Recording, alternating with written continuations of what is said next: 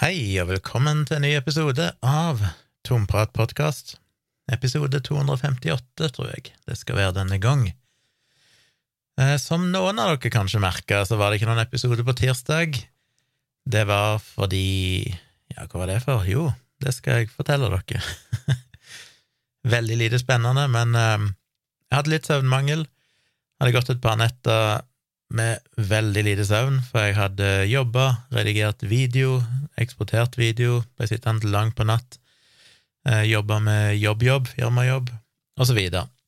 Så jeg hadde sovet veldig lite, og så på tirsdag så skulle jeg eh, tidlig opp, jeg måtte opp halv sju for å gjøre meg klar, og så kjøre til Tesla sitt eh, servicesenter, eller et Tesla-verksted. For jeg skulle gjøre en oppgradering på bilen.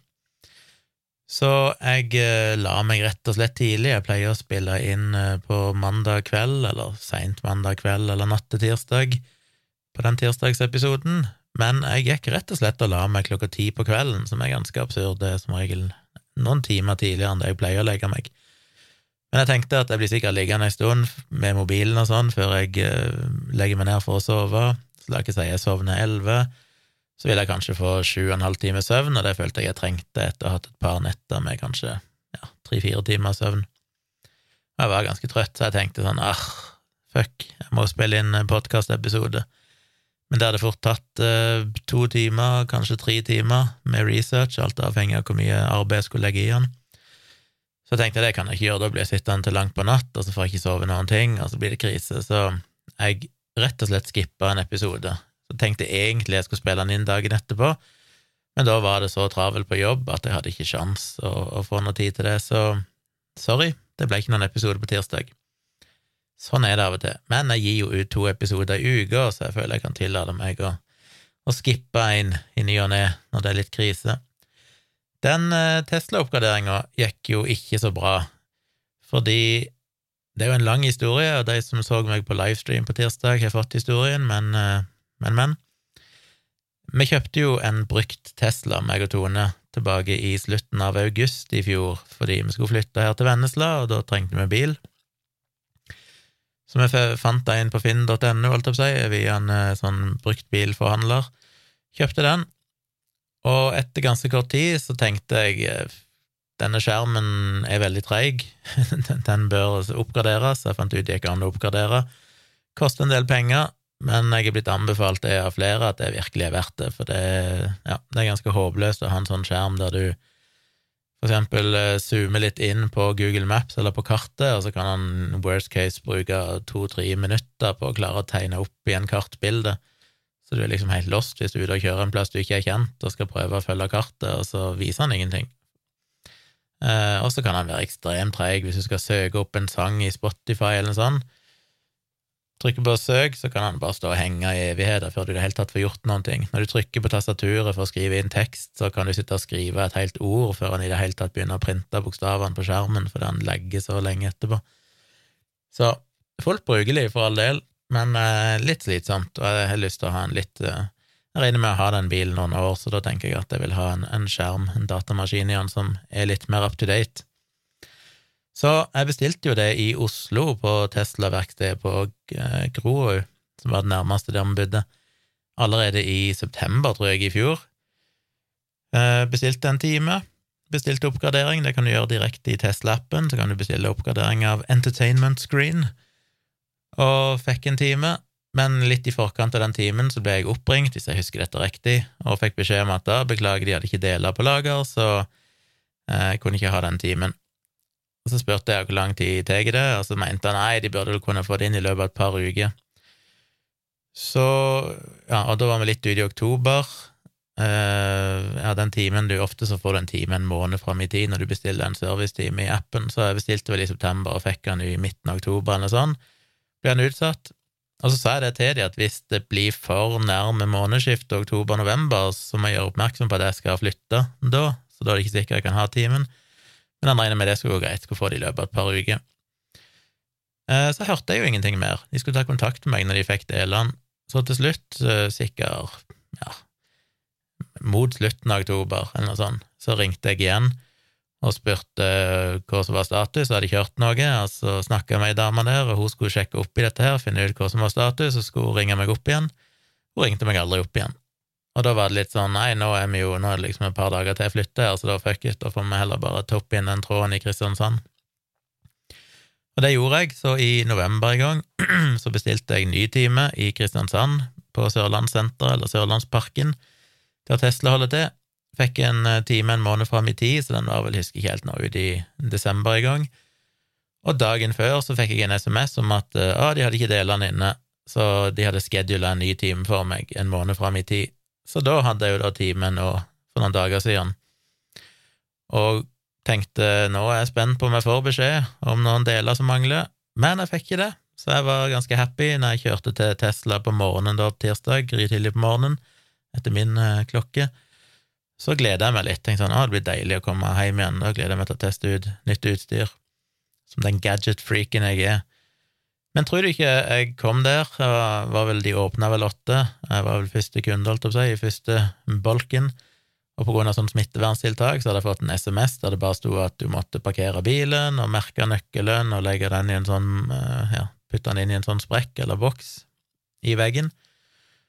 Og så hadde jeg en idé om at å merke nøkkelen, det er jo ikke noe du må gjøre hjemme, regner med at du kommer en plass, og så ligger der klar noen merkelapper eller et eller annet sånt, men det gjorde du selvfølgelig ikke, så da ble jeg litt desperat og tenkte fuck, har noe i bilen jeg kan merke nøkkelen med?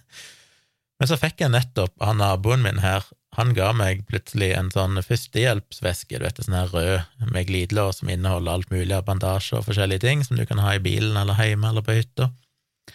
Fordi han jobber i et firma her på Vennesla som produserer medisinsk utstyr til hele Europa, og de produserte blant annet de her veskene, så han ga meg en sånn, og det var hyggelig. Så tenkte jeg, kan det være noe sånn uh, teip oppi der? For jeg hadde absolutt ingenting i bilen. Jeg hadde heldigvis med meg eh, veska mi med laptop og sånn, fordi jeg tenkte at jeg må sitte og chille en eller annen plass, eller eventuelt sitte og jobbe mens jeg venter på bilen, for når jeg er på Sørlandsparken, så kommer jeg meg ingen vei. Så jeg må bare sette meg på en kafé og vente de timene det tar. Men det kan jeg trives med. Kjøpe en kaffe og sitte med laptopen og jobbe og sånn. Eh, så jeg eh, fant heldigvis en penn i veska mi, skulderveska og så åpna jeg denne førstehjelpsskrinet, eller førstehjelpsveska, og der var det heldigvis en sånn, ja, en sånn papiraktig teip som du bruker til å feste bandasje og sånn, eller et eller annet med. Så jeg reiv av den, teipa rundt nøkkelen, skrev på registreringsnummer og navnet mitt, bare så det var synlig, og det holdt på å bli gnidd av, for den teipen sugde egentlig ikke til seg pennen, men det var det beste jeg fikk til. Så jeg fikk nå levert den nøkkelen. Så kom neste utfordring, og alt dette her er jo first world problems, for all del. Men eh, jeg oppdager jo at Sørlandssenteret åpner jo ikke før klokka ti. Det hadde ikke jeg fått med meg, og jeg var der klokka åtte. Så hvor i helsike skal jeg sitte? Det var mørkt, og det var kaldt, og alt så stengt ut. Men så så jeg på Google Maps at McDonald's var døgnåpen, og den lå bare et par hundre meter unna, så jeg traska bort der.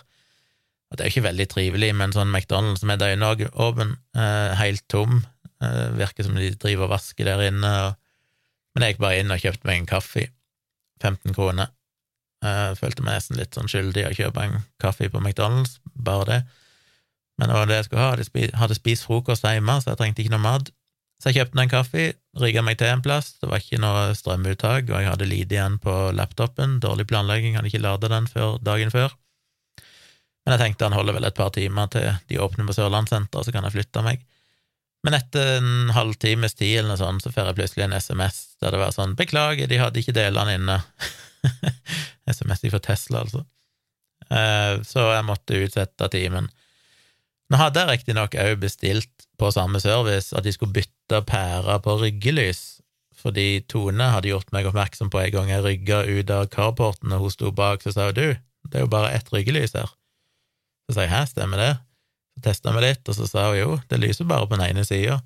Så tenkte jeg ja ja, fuck it, og så tenkte jeg, kan, kan en skifte det sjøl på en Tesla? Jeg aner ikke, jeg prøvde å google litt, men alt jeg fikk, var bare ti millioner nettbutikker som solgte lyspærer til Tesla, og lite informasjon om akkurat det, sånn spesifikt. Så tenkte jeg, når jeg først skal ha den inn på service, så kan jeg heller bare gjøre det for meg. Risikerer jeg å ikke, vil ikke risikere å fucke opp noe. Uh, så jeg hadde nå det med, så de spurte meg vil du at vi skal fikse ryggelys uh, allikevel, og så bestille en ny time til oppgradering av Entertainment System senere.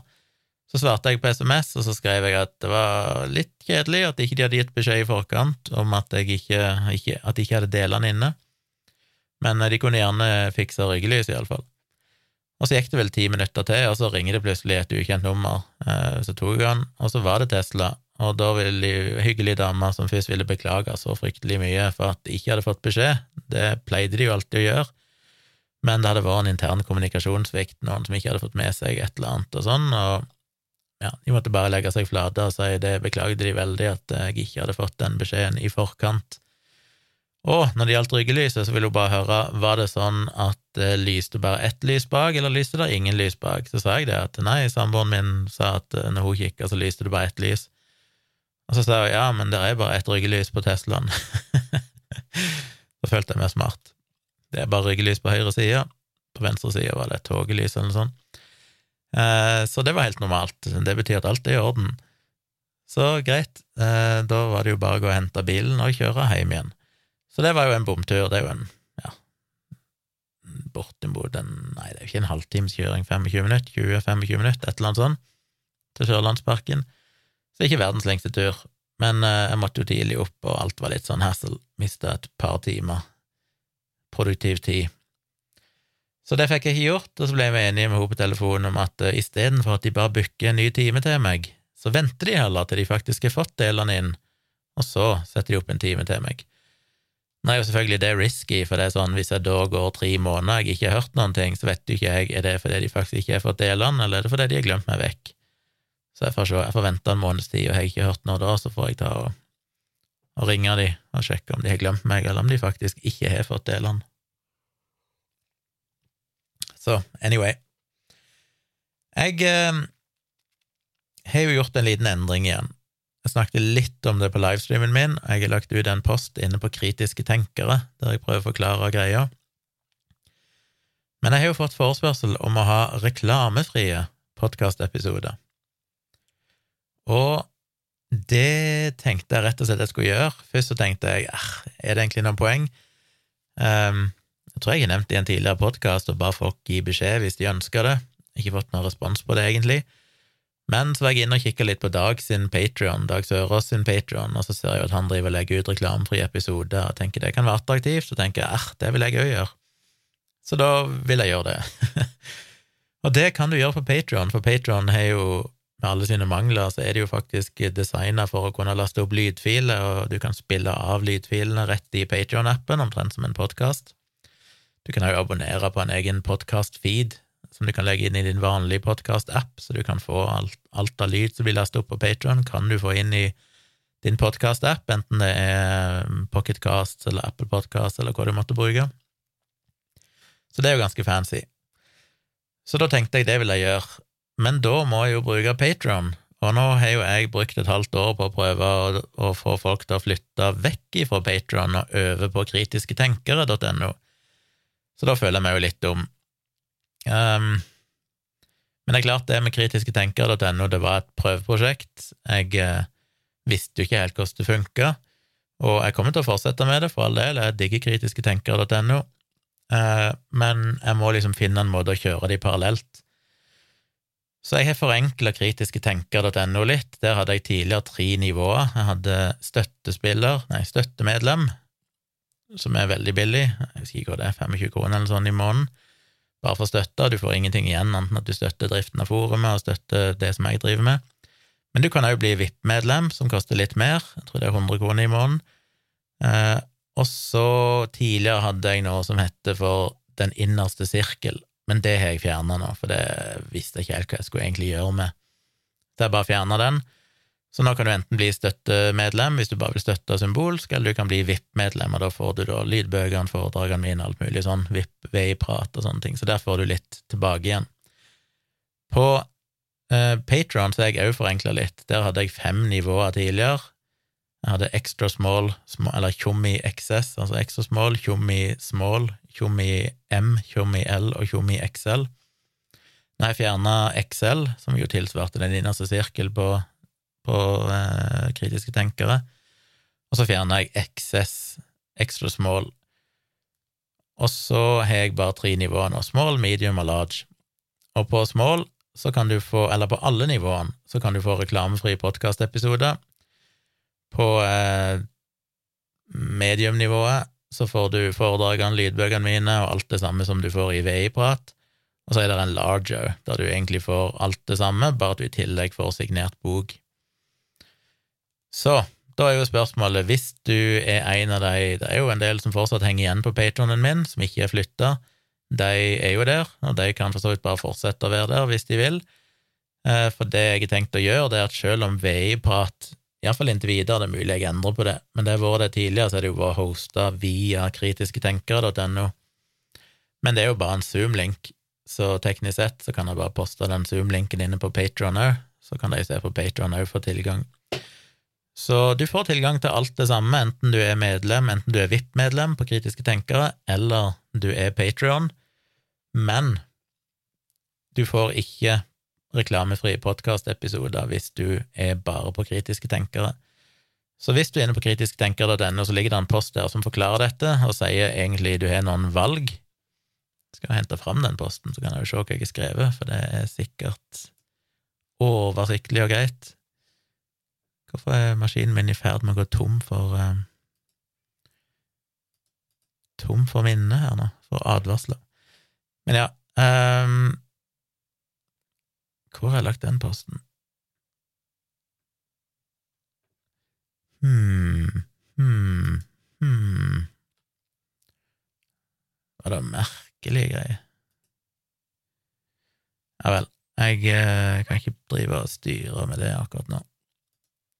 Men iallfall, det du har av valg, er jo at hvis du allerede er støttemedlem eller VIP-medlem, og ikke bry deg om reklamefri podkastepisode, eller ikke engang høre på denne podkasten, og dermed ikke ført denne beskjeden, så trenger du ikke gjøre noen ting. Da kan du bare være på kritisketenker.no.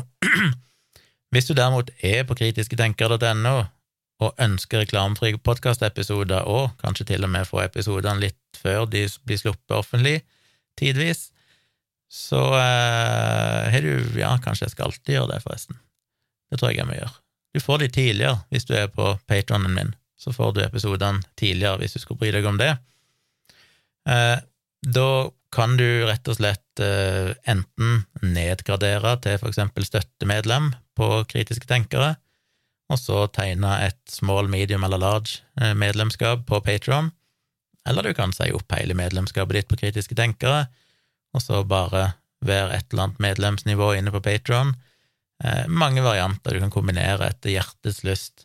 Men det er ikke noe vits i å være VIP-medlem på Kritiske tenkere og i tillegg være et eller annet medlemsnivå på Patron, for da betaler du egentlig dobbelt opp for å få det samme. Så hvis du skal velge Hvis du vil ha podkastepisoder, så må du øve på Patron, og da står du fritt til å velge om du da fortsatt vil være støttemedlem, for å støtte meg litt inne på forum òg, for å dekke litt driftskostnader og sånn der. Helt opp til deg, men uh, du får se. Så hvis du velger å gå over på Patron og bli støtta meg der, så får du altså disse episodene litt før andre, og du får de òg uten reklame. Så får vi jo se om det er gunstig eller ikke. For alt jeg vet, så Nei, jeg er ikke så mange patrons, og sånn at det bør utgjøre en betydelig andel av lyttermassen min. Det er litt kjedelig hvis alle flytter over til reklamefri podkastepisoder, så får jeg ingen, ingen sponsorer lenger fordi jeg ikke er noen uh, lyttere. tilsynelatende noen lyttere som blir logga offentlig. Alle er bare inn på Patron og hører det der. Men hvis jeg hadde fått alle de over på Patron, hvis jeg hadde bare fått 10% av mine lyttere over på Patron, så hadde jeg jo vært veldig fornøyd. Så ja, det går jo opp i opp. Så det var den informasjonen. På mandag så fylte min datter 15 år. Vi var og feira bursdagen hennes. Eh, kjøpte gave og spiste litt kake og var samla med familien primært hennes, eller min ekskones side av familien, da. Men det er veldig hyggelig, koselig, og det er ganske absurd at hun er blitt 15 år. Hun skal konfirmeres eh, til våren. Hm. Det er sært. Men ja. Det får jeg bare venne meg til. På eh, søndag så hadde vi jo, meg og Tone, en eh, livestream der vi jubilerte litt over at Virkelig grusomt podkasten vår har 50 episoder. Der stiger lyttertallene, og vi får utrolig mye hyggelige mailer fra folk som digger den podkasten. Eh, ja, veldig, veldig gøy, rett og slett, at folk setter pris på det vi gjør. Vi gjør det jo på vår måte, og noen hater det, men det er tydeligvis mange som liker det òg. Så det er veldig kult. Så den eh, livestreamen ligger for øvrig ute både på Facebook-sida til Virkelig grusomt, og han ligger òg ute på min YouTube-kanal, hvis dere vil se den. Det ble en times sending der vi gikk gjennom topp ti basert på lytterens stemme, stemmer, telte opp fra ti til nummer én for å se hva var den mest populære historien vi har fortalt der inne. Litt overraskende, i mine øyne faktisk, men ok. Og så mimra vi litt om hvordan podkasten starta, snakka litt om våre favoritter og sånne ting. Så veldig kult. Det kan dere sjekke ut der. Og så har jeg gjort en greie i dag. I dag har jeg hatt mitt uh, andre sånn uh, digitale skoleforedrag. Jeg har jo holdt uh, hva er det, 130 pluss foredrag i de siste årene, men det har jo vært live foran et publikum. Eh, og så, på grunn av pandemi og sånn, så jeg jo, fikk jeg jo forespørsel plutselig om å holde foredrag digitalt for en annen skole her i høst. Og så prøvde vi ut det, og det funka jo greit. Så da reklamerte jeg litt for det mot fylkeskommuner og noen videregående skoler rundt om i landet. Og det er jo vanskelig å nå ut, som jeg snakka om tidligere, men jeg fikk iallfall én skole foreløpig som har tatt kontakt og ville ha foredrag ganske fort. De ville ha det uka etterpå, som da var i dag. Um, altså torsdag, da. 13. januar. Og det syns jeg var litt sånn skummelt, fordi jeg får veldig prestasjonsangst når det er et helt nytt konsept. Jeg mener, når jeg holder foredrag normalt, så kommer det jo stort sett folk som ønsker å høre meg. Men når du holder foredrag for lærere, altså ansatte på en skole, så må man jo anta at mange av de aner ikke hvem jeg er og hva jeg driver med, og de har kanskje ikke noe interesse for temaet, de er liksom bare der fordi det er en del av jobben deres. Og det syns jeg alltid er mye vanskeligere, for da er det sånn åh, kommer dette her sære greiene som jeg driver på med, til å appellere til uh, random folk. Så det syns jeg er litt skummelt. I tillegg så var det jo sånn at ikke alle hadde mulighet til å være der, så hun lurte på om det gikk an å, å løse det på et vis, så jeg sa at ja da, jeg kan holde foredraget live for de som er der, og så kan jeg spille det inn samtidig. Så kan jeg gi dere ei videofil som dere kan se, de, de som ikke får muligheten til å se det live. Og det var jo ekstra skummelt, for det var så mye å holde styr på. Jeg måtte hoste greier via Zoom, og så brukte jeg Ecam Live, som er den programvaren jeg bruker når jeg livestreamer, til å liksom organisere bildet med en miniatyr av meg og presentasjonen eh, på sida av meg og sånn på skjermen. Og så feeda jeg outputen av Ecam Live inn i Zoom, så Zoom fikk på en måte bildet fra Ecam Live. Og så hadde jeg jo oppe Keynote, som altså er en sånn Mac sin versjon på PowerPoint, som jeg brukte til presentasjonen.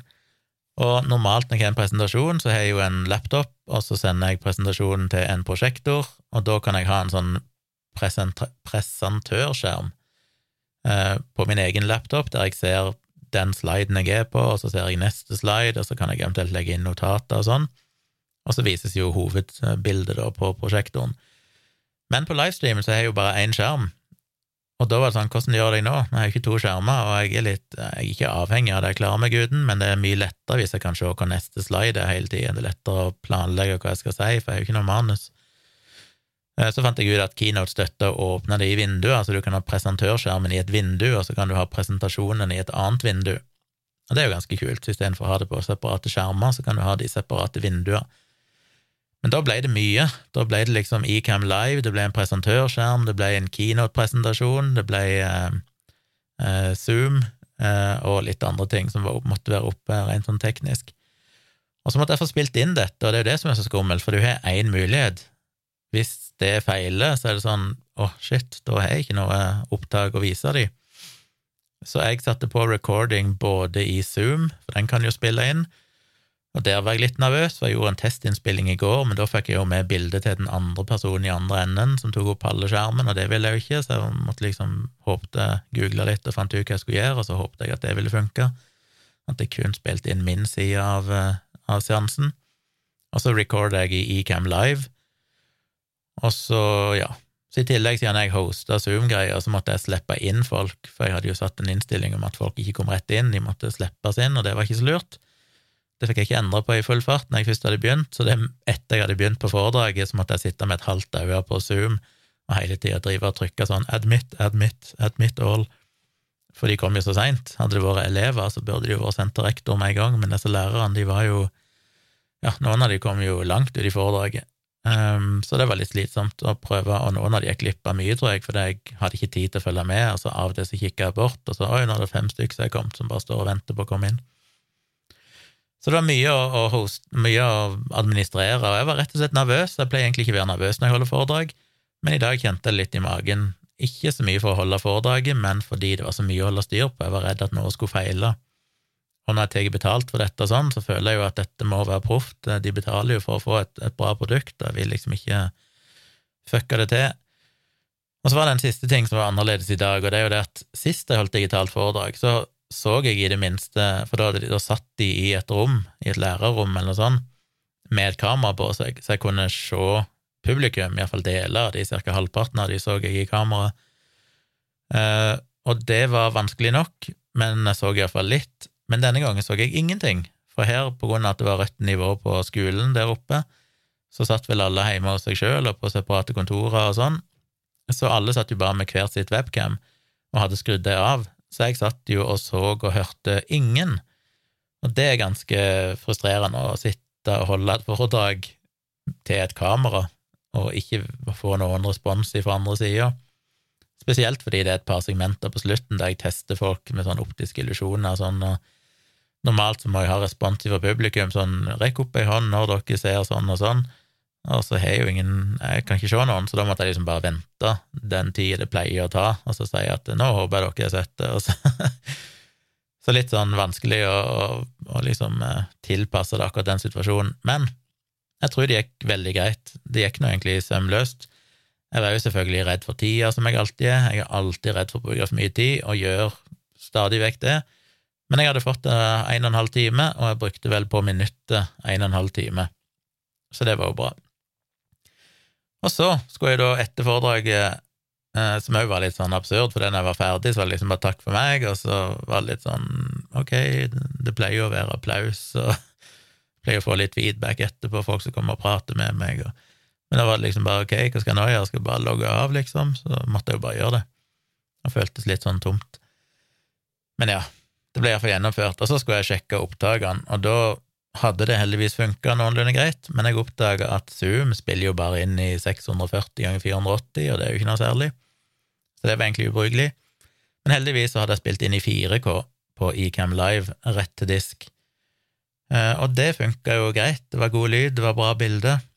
Men da jeg så igjennom Zoom, nei, eh, Ecam Live-fila, så oppdaga jeg jo at den stakkars gamle Macminien min hadde nok slitt litt underveis. Jeg merker jo blant annet det ja, egentlig bare én plass i presentasjonen min der jeg spiller av en liten video som er en optisk illusjon, så så jeg jo på skjermen at den lagga.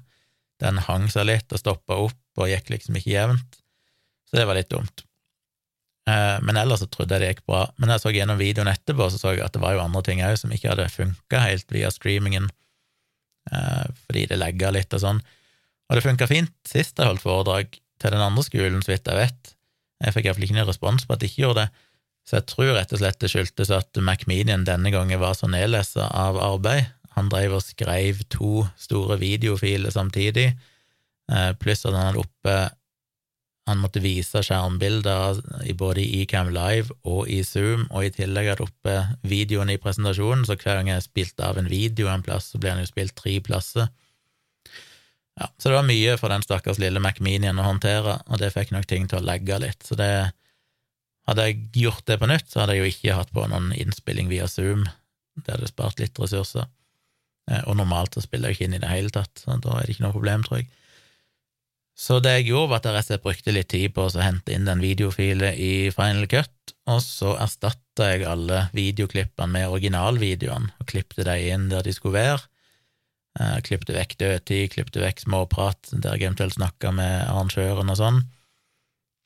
Eh, la på bitte grann musikk et par plasser der det var litt sånn der jeg ikke prata fordi vi sitter og ser på en video sammen, eh, en optisk illusjon, og så ble det litt stille, så bare la jeg inn litt bakgrunnsmusikk. La på noen sånne piler og markører oppå noen av videoene, for det er normalt når jeg spiller disse, så står jeg foran en, en skjerm og kan peke og sånn, eller bruke laserpeker, men det kunne jeg jo ikke nå, så da kunne jeg selvfølgelig brukt musa, men det gjorde jeg ikke. Så for jeg var litt usikker om de så muspekeren eller ikke, men det hadde de nok gjort, oppdaga jeg etterpå. Men derfor la jeg på det i Final Cut, så la jeg bare på noen sånne markører og piler og sånn, så det ble ganske fancy til slutt, syns jeg. Eh, men det ble jo ei stor fil, for det ei ett og et halvt times video i 4K tar tid å prosessere når du legger på EQ og limiter, og du ja, har fada inn og ut, og du har lagt på andre lydklipp, du har lagt på noen sånne markører, plugins, litt av hvert. Så det å eksportere den fila tok jo et vondt år. Så første gang jeg eksporterte, så holdt han jo på i evigheter, så når han var kommet til 64% eller sånn, så feila han. Og det er jo alltid gøy etter han har stått i et par timer. Så prøvde jeg på nytt, i et litt eh, mindre, litt dårligere kvalitet, for jeg tenkte jeg kan ikke sitte og vente hele natta på dette, så jeg må bare få ut fila, og så kan jeg heller eksportere den i høyere kvalitet seinere. Eh, da gikk det, men da, og så måtte jeg laste den opp på Vimeo, så jeg kan ikke legge den på YouTube, for det er det så lett at det, folk som ikke skal ha tilgang til den, får tilgang til den. På Vimeo så kan jeg begrense og låse det ned litt mer. Eh, Lasta jeg den opp der, gjorde alt klar med thumbnail og sånn, og skulle bare sjekke videoen, og så viser jeg at uh, alle plassene jeg har brukt sånne pekere, sånne pointere, som en sånn plug-in der du kan animere sånne pekere på bildet, så hadde jo plug-in-en krasja, så der var det bare en helt rød skjerm på de sekundene der det var ja, Så det fucka jo opp alt, og da tenkte jeg fuck, må jeg gjøre det enda en gang til, så jeg måtte eksportere atter en gang, som igjen tok et par timer, uh, og den eksporten så ut til å virke nå. Så den driver jeg as we speak og laster opp til Vimeo på nytt. Og nå håper jeg da inderlig at jeg skal få dette i land, for det har tatt mange timer. Heldigvis har jeg jo parallelt sittet og programmert og jobba med ting eh, i jobb-jobb, eh, selv om ting gikk veldig treigt når maskinen sto og eksporterte her, så hver gang jeg skulle skifte vindu og flytte mellom forskjellige ting mens jeg drev og programmerte, så var det ganske sirup, men jeg fikk nå gjort det. Så jeg merker jo det at skal jeg drive med video, så trenger jeg nok en av de nye maskinene til Apple som kommer etter hvert. Det hadde hjulpet mye med en av de laptopene som kom i høst, men jeg tror jeg nok jeg vil Jeg får se, jeg må vente litt først og se hva de lanserer av iMac-er og sånn, og se om de er betydelig kjappere igjen, for da er det kanskje mer fornuftig. Men uh, denne her Mac Minien jeg har nå, som er liksom low-end uh, Mac Mini med en M1-prosessor, den er jo kjapp til det aller meste. Det er jo regna som en veldig kjapp maskin sammenlignet med forgjengeren, men allikevel skal du eksportere store filer og sånn, så går ikke det superraskt, og det kan legge litt når du skal gjøre andre ting samtidig, så Så ja. Men det som er litt kult, er at jeg for noen dager siden fikk en eh, reklamemail som faktisk funka, spam-mail. En svensk eh, dame som sendte meg mail og ville tipse meg om en tjeneste som heter Void, V-O-Y-D, som jeg ikke har hørt om før. Men med en gang jeg så det, så tenkte jeg bare oi, dette er jo midt i blinken. Tydeligvis de drev og spamma folk som har YouTube-kanaler og sånn i Norge. Jeg tror det er et svensk selskap som tydeligvis driver og ekspanderer inn i Norge. Og greia er rett og slett at du kan starte din egen YouTube-kanal, bare at det er på Void, men der du kan laste opp videoene dine, og så kan du ta betalt for dem. Og det passer jo meg perfekt. Jeg har jo ikke tenkt å gjøre det på vanlige videoer, det kommer jeg til å legge ut gratis på YouTube, men Sånn som denne foredragsvideoen er jo ganske genial, fordi det er jo mange plasser folk ikke Ja, som jeg ikke har vært og holdt foredrag, men eh, da kan jeg jo bare si til folk at hei, du kan gå inn der, betale, og så får du hele foredraget. Og eh, det blir jo litt som Dag har gjort med standup-showene sine og sånn. Så jeg skal teste ut etterpå, skal laste den opp der, og der, ut ifra det jeg har lest, jeg har jo oppretta konto og sånn allerede, ut ifra det jeg har lest, så skal du kunne velge enten om eh, folk skal få lov å betale det de sjøl har lyst, eller du kan sette en pris på den. Det jeg må finne litt ut av, det er hvordan jeg skal gjøre det med at Jeg vil jo egentlig begrense det bare til privatpersoner.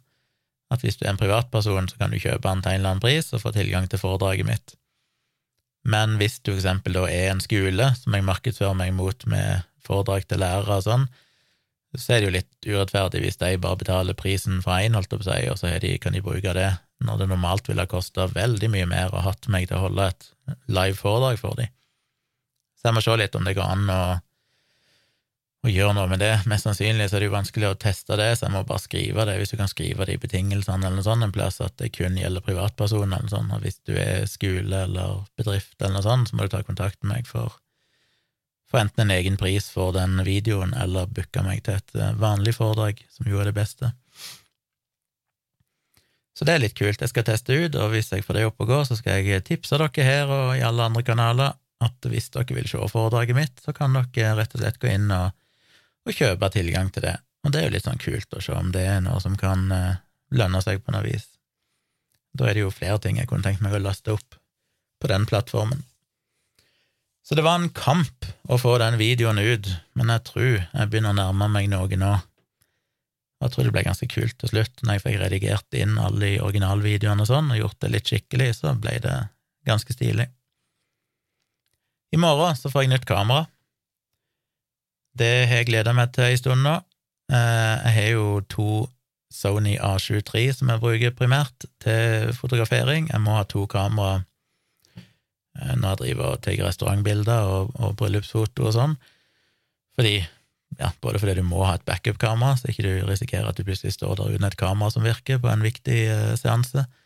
Men uh, så er det jo praktisk å bare ha to forskjellige objektiver på seg, istedenfor å måtte stoppe, skru av objektivet, finne det andre, skru det på som er praktisk talt håpløst i en sånn situasjon, så kan du ha to forskjellige uh, objektiver på to forskjellige kameraer, og så bare veksle mellom dem. Så jeg må ha to kamera. Men dette Sony A24 er jo betydelig nyere, det er vel tre eller noe sånt? Tre?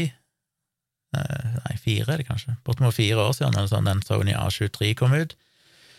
Men nå er denne her for, eller etter, eh, etterløperen, holdt jeg på å si, ettergjengeren, eh, hva heter det, etterfølgeren kommet, Sony A24, som er oppgradert på en del viktige områder, spesielt det som er viktig for meg, er nok at han er enda bedre på autofokus, på det å finne øynene og ansikt til folk.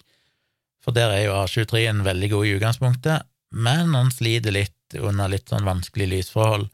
Og Det merker jeg spesielt på restaurantfotoen. jeg springer rundt på restauranten der det er veldig mørkt i utgangspunktet, og så tar jeg bildet inn gjennom si, vinduet eller den serveringsåpningen, vet ikke hva du kaller det, inn til kjøkkenet av de som jobber der, og de beveger seg, for de står jo ikke og poserer for meg, så kan det være krevende av og til for kamera å finne øynene på dem, og liksom holde øynene i fokus mens de beveger seg.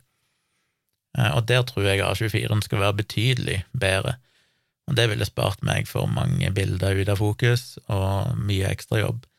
Så det tror jeg er verdt det. Men da skal jeg jo samtidig selge et av mine Sony A23, så det har jeg lagt ut på finn.no allerede. Hvis noen av dere er interessert, får dere ta kontakt, men eh, jeg håper jo å få solgt den til en grei pris.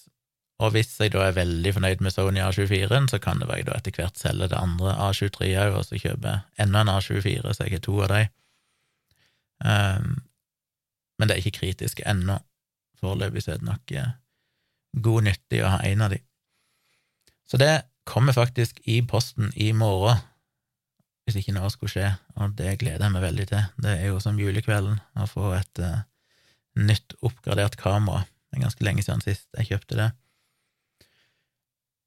Ja, så det var vel det jeg hadde å si om livet mitt. Jeg skal prøve å si noe mer seriøst òg. Jeg må jo si at uh, siden sist så har jeg jo lagt ut en ny video på YouTube som heter Har jeg en diagnose? Noen av dere har sikkert sett den. Hvis ikke, spring inn på YouTube og sjekk ut den på min YouTube-kanal, Tvilsomt med Tjomli. Det ble jo en times lang video, men jeg håper den er interessant. Jeg har fått sjokkerende mye bra feedback. Ingen som har sagt 'Å, denne videoen er altfor lang'. Uh, ingen som har kommentert det, faktisk, selv om jeg regner med at alle skulle være sure for det. Derimot har alle sagt eh, at det er superinteressant, og de kjente seg igjen i mye, og bla, bla, bla.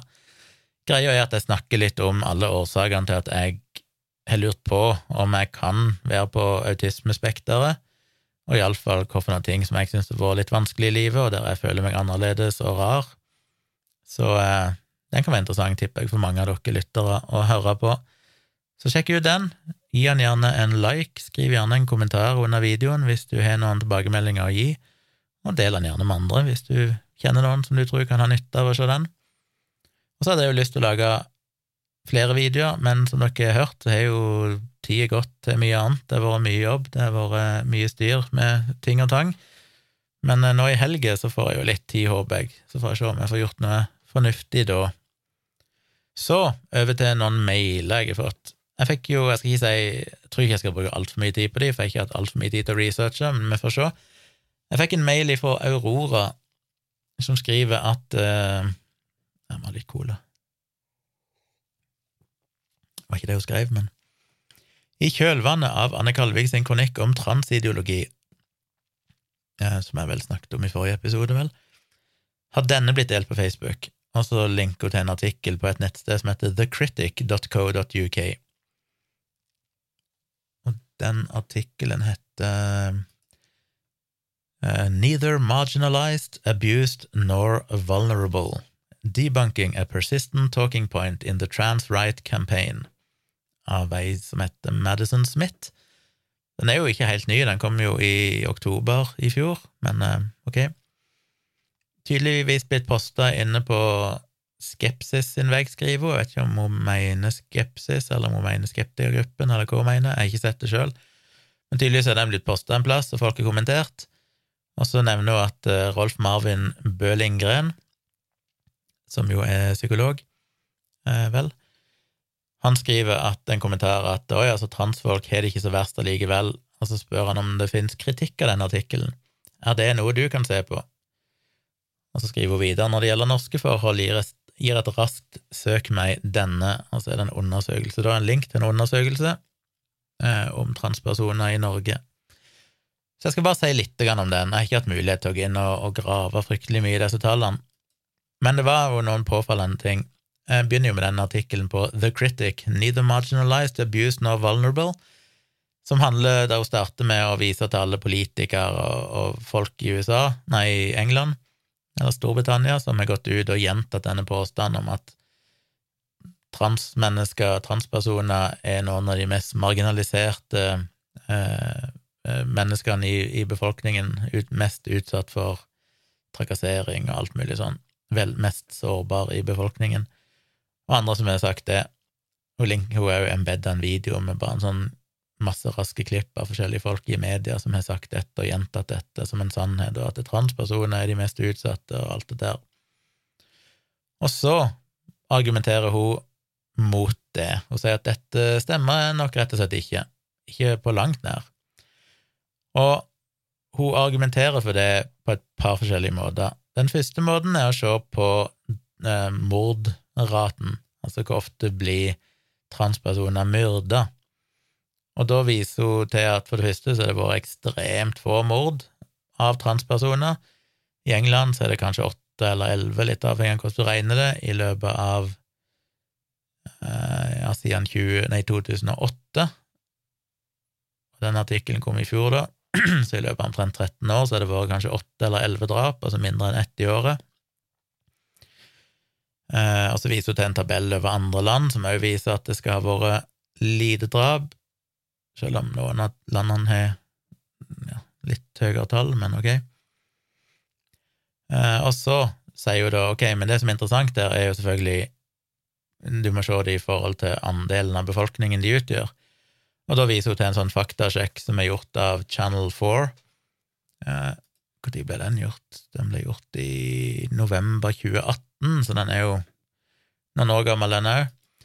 Men der fant de at eh, i i snitt så hadde du, hvis du bodde i England og uh, Wales, så hadde du en én i 100 000 sjanse for å bli myrda i et gitt år. Så én av 100 000 mennesker blir myrda på et gitt år i de to landene. Mens hvis du så på bare transpersoner, så viste statistikken at de hadde bare et sted mellom 1 av 200 000 eller 1 til 500 000 sjanse for å bli myrda i løpet av et gitt år altså en mye lavere risiko hvis du var transperson.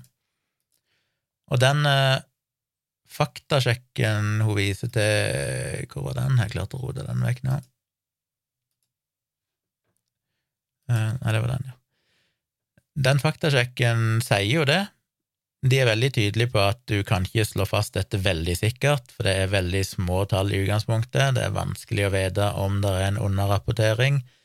Jeg skal ikke så mye endringer til det skal ikke så mange ekstra mord til før de plutselig endrer bildet helt, men ut ifra de offisielle tallene, det de klarer å finne, så stemmer dette.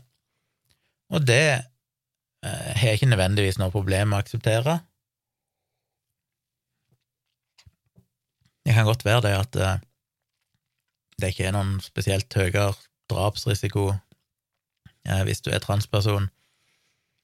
Ja, dette er riktignok i England, og jeg har ikke hatt tid til å gjøre noe sånn dypdykk. Jeg ser jo at det er artikler som forteller om USA, at det har vært så utrolig mange drap på transpersoner i USA. Eh, igjen så er det jo sånn, det blir helt umulig å vite om de tallene er mye. Det er sånn, her lister vi opp 68 personer som er blitt drept, transpersoner. Og ja, 68 personer er mye, men det blir jo drept uh, titusenvis av mennesker i USA hvert år. Så uh, Hvordan er liksom andelen her? Du må først vite hva er andelen av befolkningen som er transpersoner, og så må du vite hvor stor andel som faktisk blir drept, og så må du vite om det er underrapportering og sånn, om du blir registrert riktig. Det er jo et problem i mange av disse statistikkene at politiet ofte har valgt å se vekk ifra deres eh, ja, deres eh, valgte kjønn, og registrerer eksempel en transkvinne som en mann i statistikken, så det er vanskelig å vite om disse dataene er korrekte. Og det er jo Jeg er jo enig på en måte i kritikken her, da, at Eller det en bør ta, ta med seg hjem fra denne debatten, er iallfall at det er på en måte uærlig Altså, det er jo todelt, og selvfølgelig er det viktig å minnes transpersoner som har blitt drept, spesielt hvis de er blitt drept fordi de er transpersoner. Og det er jo litt sånn uklart i dataen hvor mange av disse her tilfellene som er hate crimes, og hvor mange som bare er ja, ble drept av helt andre årsaker, vold, rus Nei, jeg mener økonomiske årsaker, rus, krangler, et eller annet sånt. Men, men det er viktig å selvfølgelig markere disse drapene, for det er jo tragisk uansett. Samtidig som man jo husker på at det er veldig lett å fremstille det som at se her hvor mange transpersoner som blir drept, uten å sette det i riktig kontekst. Det blir jo litt som i vaksinesaken, når de lister opp eh, se alle disse idrettsutøverne som er døyd av hjerteinfarkt etter de ble vaksinert. Og det er sånn, ja, hvis du bare leser den lista, så ser det jo forferdelig ut, men hvis du setter det inn i riktig kontekst og sammenligner det med uvaksinerte eller årene før pandemien, så ser en jo at å ja, det er visst så mange som dør generelt sett. Det er veldig farlig å lage sånne lister, for det har en emosjonell appell, men det gir jo ikke nødvendigvis et riktig bilde, for du må liksom da se det ut ifra totalen av befolkningen og andelen de utgjør, og sammenligne. Det er jo denne her, eh, det falske nullpunktet som jeg alltid snakker om. Så det er vanskelig å si, det virker ikke som noen egentlig vet det, men jeg mener jo at argumentasjonen her er nok litt bastant, hun viser til en kilde som faktisk sier at vi kan ikke vite dette så bastant, for det er for dårlig data. Men, eh, men ja. Men så går vi videre da, til å diskutere ok, vi lar ikke se på hate crimes, da, eller vold mot transpersoner. Og der syns jeg hun har en veldig merkelig argumentasjon. For det første så unnlater hun jo helt å vise til at i den kilden hun bruker, i den Channel 4-faktasjekken hun brukte for drap, så skriver de jo faktisk eksplisitt om vold og der skriver de at transpersoner definitivt er utsatt for ganske så mye mer eh, vold, voldshendelser, enn det andre er. Men det sier jo ingenting om når hun drøfter vold etterpå, da velger hun å bruke noen helt andre kilder. Så det er jo litt fascinerende at hun bare ignorerer den kilden hun tydeligvis syntes var god nok når det gjaldt drap, for da sa han det hun ville, mens når det gjelder vold, og der sier han ikke det hun vil, der sier han at jo, transpersoner er utsatt for mye mer vold, så bare nevner hun ikke den kilden i det hele tatt i den sammenhengen. Og så går hun videre da, til å vise en oversikt over hatkriminalitet for politiet, som òg er helt sånn Er det jeg som misforstår noe her, eller er hun så dum? For jo, hun viser til en, en tabell der de har valgt ut de fem typene hatkriminalitet som blir registrert i Storbritannia, eh, Storbritannia eller England og Wales. Og det er da race, religion, sexual orientation, disability og transgender. Og så peker hun på Jeg må se hva hun skriver uh, Despite all this nonsense, of the five monitored strands that the police record records as hate crimes, the transgender category has every year, and by some distance, seen the least number of hate crimes against it. In fact, religion, the next lowest, saw nearly three times as many incidents in the last recording year. Og Hvis du da ser her i tabellen, så er det de fem typene hatkriminalitet nedover, og bortover ser du da 2015-16, som er én kolonne, 2016-17 neste, 2017-18, 2018-19 og 2019-20. Jeg vet ikke hvorfor de har to år på, på samme hele tida, om, de, om det er høst og vår, om det, de tydeligvis ikke måler et kalender eller hvordan det er, men uansett. Og der kan en da se at jo, transgender har da 2540 tilfeller i 2019-2020, mens religion har 6822, altså eh, tre ganger så mange, mer enn tre ganger så mange. Men de tar jo ikke andel til prosentandelen der. Jeg mener, det er nok ganske mange flere eh, mennesker i England og Wales som er religiøse. Jeg vil tippe det er tre ganger, mye mer enn tre ganger så mange religiøse mennesker som det er transpersoner. Så hvis det er 2500 hatkriminalitetstilfeller mot en veldig liten gruppe mennesker, mens det er 6008 mot en betydelig større gruppe mennesker, så kan jo fortsatt andelen transpersoner som blir utsatt for vold, være ekstremt mye høyere enn for religiøse. Er det jeg som misforstår noe her? Jeg skal jo lenke til denne artikkelen, så dere kan se den sjøl, men det kan jo ikke være, hun kan jo ikke være så dum at hun bruker absolutte tall uten å se dette i, i kontekst av befolkningsstørrelsen. Det virker jo helt absurd. Eh, og nå, nå, kan det være vanskelig, og det kunne en sikkert regne ut sjøl, hvis det var noen som hadde noen tall på hvor mange som, mange som utgjør, mange transpersoner, stor andel transpersoner utgjør. Men ja, så nevner hun heller ikke da at i den siste kolonnen så sier de hva den prosentvise endringa har vært. og der har jo hatkriminalitet mot religiøse sunket med 5% fra 2018-19 til 2019-20 mens den har økt med 16% for transpersoner. Største økningen var hatkriminalitet knytta til seksuell orientering, som økte med 19% Så det burde vel kanskje òg nevnes, da, at det var en ganske betydelig økning. Og det er det mange artikler som tar for seg eh, fra flere år tilbake, at det ser ut til å øke og øke. Så ja, Veldig, veldig, veldig merkelig måte å argumentere for. Så hun ignorerer altså sin første kilde, som viser til skikkelig data, som sier at det er helt åpenbart at du er mye mer utsatt for vold og trakassering som transperson enn ellers, og går da videre til en sånn tabell som på ingen selvs måte forteller noen ting, fordi de viser til absolutte tall og ikke relative tall. Um, ja, var det noe mer? Det var sikkert noe mer her, men nå glemte jeg kanskje det. Anyway, så ja.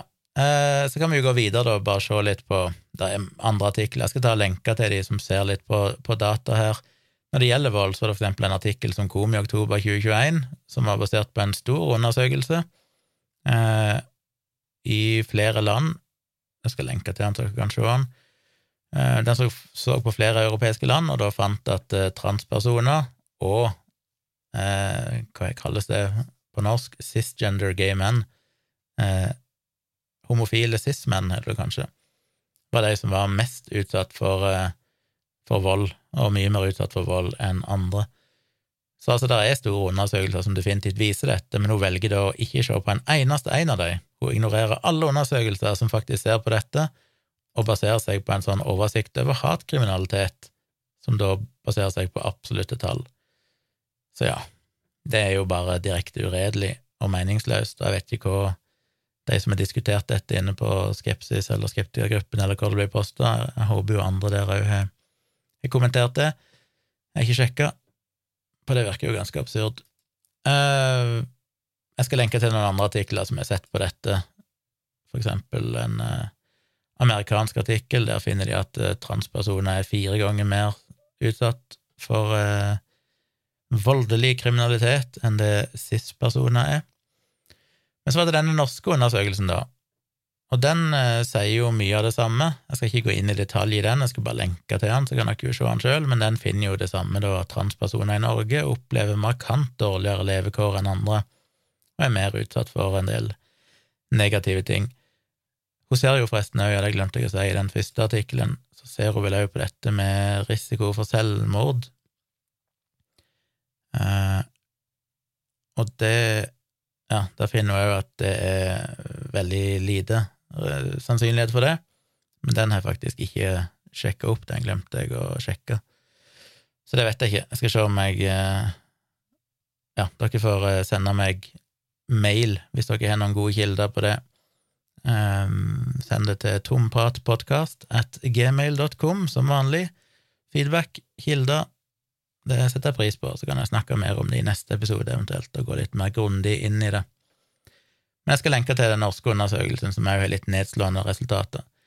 Alt i alt vil jeg si at det er jo viktig med den type faktasjekker, for det er veldig farlig å gå inn i den der ideen om at for eksempel transpersoner har det så fælt, og det er utsatt for masse vold og drap og selvmord, og så er det ikke sikkert det stemmer, fordi det er så lett å bli manipulert av emosjonelle, følelsesladde historier, det er lett å liste opp ansiktene på transpersoner som er blitt drept, og så tenker du oi, dette er en epidemi av drap, og så glemmer en å sette det inn i sin rette kontekst og se hvor stor hva er risikoen da som en andel av befolkningen. Og da, ut ifra det hun skriver, så har hun nok rett i det, sitter jeg kan at det sannsynligvis ikke er noe mer drap av transpersoner nødvendigvis enn andre, iallfall ikke i England og Wales, og kanskje ikke i Europa. Men samtidig så er jo det en merkelig målestokk å bruke. Det er litt som å si at fordi det ikke blir drept eh, mange flere eh, mennesker i Norge med for eksempel afrikansk bakgrunn enn eh, i går så er vi etnisk norske, så er ikke rasisme et problem. Det er sånn, du må, du, du må jo ikke drepe folk før det faktisk er de kan ha det vanskelig. Så det å bli utsatt for rasisme er jo et reelt fenomen. Eh, diskriminering og rasisme. Eh, eller du kan si det om kvinnesaken òg. Fordi det ikke blir drept tonnevis av kvinner, så er det ikke noe problem med seksuell trakassering av kvinner, eller kvinner er det ikke vanskelig på noen selvs måte. Altså, du kan si det om alle problemer her i verden. Så drap kan jo være en interessant målestokk i noen sammenhenger, men det er jo en sånn ekstrem konsekvens av noe. Det er jo mer interessant å se på hets og trakassering og vold, som er mye, mye, mye, mye mer utbredt, eh, og som gir en mye bedre målestokk for hvordan livet faktisk er. Og der finner en jo da at transpersoner, ifølge alle studiene jeg har sett, er mye mer utsatt for det. Og så en siste liten rant om eh, en mail jeg fikk ifra eh, Natalia, som viser til en artikkel som noen av dere kanskje har sett på nrk.no, som ble publisert for eh, tre-fire dager siden, som handler om Emilie Kalkenberg. Denne tittelen Foreldrene fryktet ME-syke Emilie skulle dø, nå skal hun til OL. Ingress Emilie Kalkenberg klarte verken å snakke eller spise da ME-sykdommen var på sitt verste. Foreldrene så livet til datteren ebbe ut, men Kalkenberg nektet å gi seg og ble frisk etter et to år langt mareritt. I dag ble hun tatt ut til OL. Så hun eh, var bare ti år, var det jeg sa? Var hun så ung? Ja. Hun var ti år gammel da hun ble alvorlig syk. Hun fikk vel først kyssesyke, og så ble hun veldig syk. Slutta nesten å spise, snakka, var, var død nær, var, lå på sykehus, var helt ute, fikk en ME-diagnose. Og dette er den korte versjonen av historien og så i desperasjon så saumfarte mora etter alt som kunne hjelpe, og fant da Live Landmark og Lightning Process. Og så står det her at eh, med hjelp av hele bygda fikk de betalt for det dyre kurset og fløyet Landmark hjem til familien sent den samme høsten. Må si det hørtes litt overdramatisk ut. Et sånn Lightning Process-kurs koster vel normalt hva er det, rundt en 20 000, 15 til 20 000 kanskje pluss flybilletter, så det er klart det koster litt, men det er ikke snakk om at det, mm, det er snakk om at det er merkelig at hele bygda måtte, måtte trø til for å betale akkurat det, men ok. Greit nok, det kan jo være Livet Landmark tok ekstra, tar ekstra dyr pris når hun kommer på personlig konsultasjon, for alt jeg vet. Men det er jo den klassiske historien. Livet Landmark kommer, og jenta blir nesten umiddelbart bedre. Eh, trengte selvfølgelig tid på å trene seg opp igjen og sånn, etter å ha leie i ro i halvannet år. Men eh, nå er jo da tatt ut til OL, var vel greia her, som skiskytter, eller hva det var. Følger ikke med på den type ting. Og så vil jo hun Natalia, som bare sendte meg den mailen, hun skriver bare det hadde vært interessant å høre dine tanker og refleksjoner rundt artikkelen. Vel, det går jo på mye av det som jeg egentlig skriver om i placebo-defekten og, og jeg snakker om før, men det er mye å diskutere her. Jeg syns jo det er komplisert. Og jeg skal ikke si at ikke Live Landmark har hatt en effekt. Det, jeg ser ikke helt vekk ifra at for enkelte så kan det ha en effekt. Det med å rett og slett si, snu tankemønster eller tenke annerledes kan kanskje det. Det er umulig for meg å si at det ikke har hatt en effekt, det har jo ikke noe grunnlag for å si. Men samtidig, hvis en tenker på seg sine skeptiske briller For det første så har jeg snakka med Live Landmark i telefon om disse historiene, ikke spesifikt dennes, eller det kan være jeg snakker om denne òg, det husker jeg ikke, for det er jo en del år siden jeg snakket med henne, men da viste hun jo til noen av de historiene som hadde vært i media, og hun sa jo sjøl det, at det er jo ikke helt sånn det blir fremstilt. Det er ikke helt korrekt sånn det blir fremstilt. Ofte så er det jo fremstilt som at omtrent hun kommer der, og to dager etterpå så er, er denne ME-sjuke pasienten på beina og springer rundt og, og tar OL-gull. Eh, de skriver ikke det i denne artikkelen, og her legger de jo vekt på at hun faktisk måtte trenes opp igjen og sånn. Men eh, Live Landmark sa jo det til meg, at i realiteten så er det jo ofte tatt mange måneder før disse personene er friske igjen. Så i beste fall så starter hun en prosess som da fører til at de blir friske, mens media ofte vil ha det til at det liksom tok tre dager eller noe sånt, og så var de på beina. Så det er litt misvisende. Men hva er det egentlig som skjer her? Og det er jo da en alltid kommer til, til dette med ja, korrelasjon og kausalitet, eller post hoc ergo propter hoc. Det at én ting skjer etter noe annet, betyr ikke at den første tingen forårsaker den andre tingen. Og det er jo et alternativ behandling alltid et klassisk eksempel på, dette òg. Her har altså denne jenta vært sjuk i halvannet år. De har prøvd mye, de har vært inn og ut av sykehus, mora har tydeligvis begynt å prøve alt mulig, saumfare nettet etter hva som kan hjelpe. Vi får bare høre om én ting, og det er lightning process. Mest sannsynlig så har hun prøvd andre ting òg. Og det sier jeg fordi at hver gang jeg går inn i disse historiene og faktisk sjekker bakgrunnen for dem mer enn det som blir skrevet i avisartikkelen, så viser det seg jo at de er utelatt å nevne alle de tingene de prøvde som ikke hjalp, fordi det styrker jo ikke historien, eller det tenker de ikke er så relevant. Journalisten er jo her for å høre om livet Landmark og Lightning Process og det som hjalp, mirakelhistorien. Eh, så det er det som blir nevnt, og sånn er det alltid. Så det er garantert at hun har prøvd andre ting òg, men uansett, om hun ikke har gjort det, så har de nå uansett prøvd mye behandling på sykehuset, for hun har jo vært inn og ut av sykehus og leie på sykehus. Og da kommer en jo til den klassiske problemstillinga at på et eller annet tidspunkt så er det stor sannsynlighet for at du blir bedre, enten midlertidig eller permanent. Har du en kronisk sykdom, så går det i bølge, symptomene går i bølge. Og hvis du da bare passer på å prøve nye ting hele tida, hver tredje måned så prøver du noe nytt, ja, så vil til slutt et eller annet sammenfalle med når du blir bedre, og det er jo det som vil få æren for å ha helbreda deg. Men hvis de hadde prøvd Live Landmark seks måneder tidligere, og så virka kanskje ikke det, men seks måneder etterpå så prøvde de akupunktur, og så ble jo jaggu meg bedre. Da ville akupunktur ha fått æren for å ha gjort henne bedre. Men hadde du fjerna både liv i Landmark og akupunktur, så kan det være hun hadde blitt bedre på det tidspunktet uansett. Og spesielt i den alderen der. Jeg kjenner jo òg folk med ME som har leie og vært syke i den alderen der. Leie i to-tre år, og så har de blitt bedre igjen og vært på beina. Eh, det er ting som går over seg sjøl. Jeg sier ikke at ME går over seg sjøl, men jeg sier at kroniske sykdommer, uansett hva det måtte være, hos en del pasienter går over eller blir bedre. Og det trenger ikke ha noen ting med behandling å gjøre. Igjen, Lightning Process kan selvfølgelig spille en rolle i dette, med å ja, å gi håp eller et eller annet sånt, eller ja, det, jeg kan ikke utelukke det, men poenget her er at en sånn historie forteller jo ingenting, for du vet jo ikke hva som hadde skjedd hvis Liv Landmark ikke hadde vært der. Det kan være at det var hennes tid til å bli frisk, eh, og det er vanskelig for mange å akseptere, for det føles jo som en sånn sterk sammenheng. Det kan ikke være til, For folk vil jo umiddelbart snu på det og tenke det kan jo ikke være tilfeldig at Live Landmark kom på besøk til henne, og så begynte hun å bli frisk noen dager etterpå. Men det er jo akkurat det det kan, fordi det er det jo bare, det er bare et mirakel hvis du eliminerer alt det andre som ble prøvd før.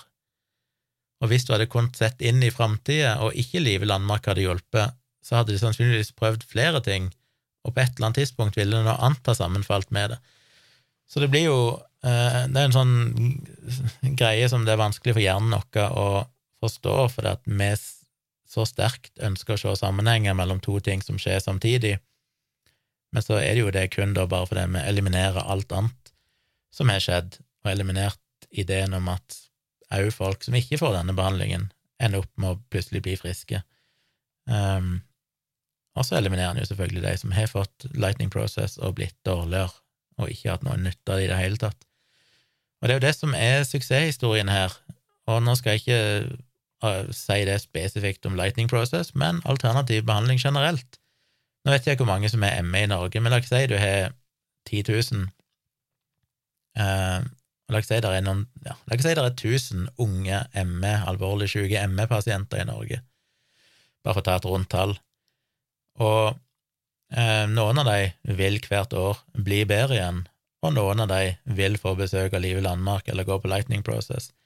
Bare gjennom ren statistisk tilfeldighet, da, så vil du få en del suksesshistorier, og du trenger ikke mer enn det. Du trenger bare én i året til å ha et medieoppslag før folk vil bli overbevist om at Lightning Process faktisk virker. Men du hører jo ikke da om alle de andre som enten ikke hadde noe nytte av det, eller som ble bedre helt uten at Lightning Process var involvert. Eh, så vi er jo Igjen, det blir jo litt som den trans-saken. Du må alltid se disse tilfellene i kontekst av alle andre. Du må sammenligne det med et eller annet for å vite er dette egentlig en imponerende andel, eller er det bare det vi ville forvente gjennom ren tilfeldighet. Og strengt tatt så er det jo det vi ville. Vi ville forvente dette gjennom ren tilfeldighet. Det er ingenting statistisk sett som tilsier at det er noe som skjer når Liv i Landmark besøker disse folkene. Så det er jo problematisk at media atter en gang skriver om dette. Og selv om eh, Henrik Vogt mener at å, media er så negative til Lighting Process, og derfor er det viktig å ha dette her, denne her Hva heter det igjen? Recovery i Norge, der folk får fortelle sine mirakelhistorier, så mener jeg det er helt motsatt. Jeg jo, føler jo bare jeg ikke lest sånne mirakelhistorier i media hele tida om alle som blir friske av Lightning Process. Og det er veldig mis misvisende når ikke folk skjønner statistikken i det, og skjønner at det ikke nødvendigvis er en årsakssammenheng mellom disse tingene.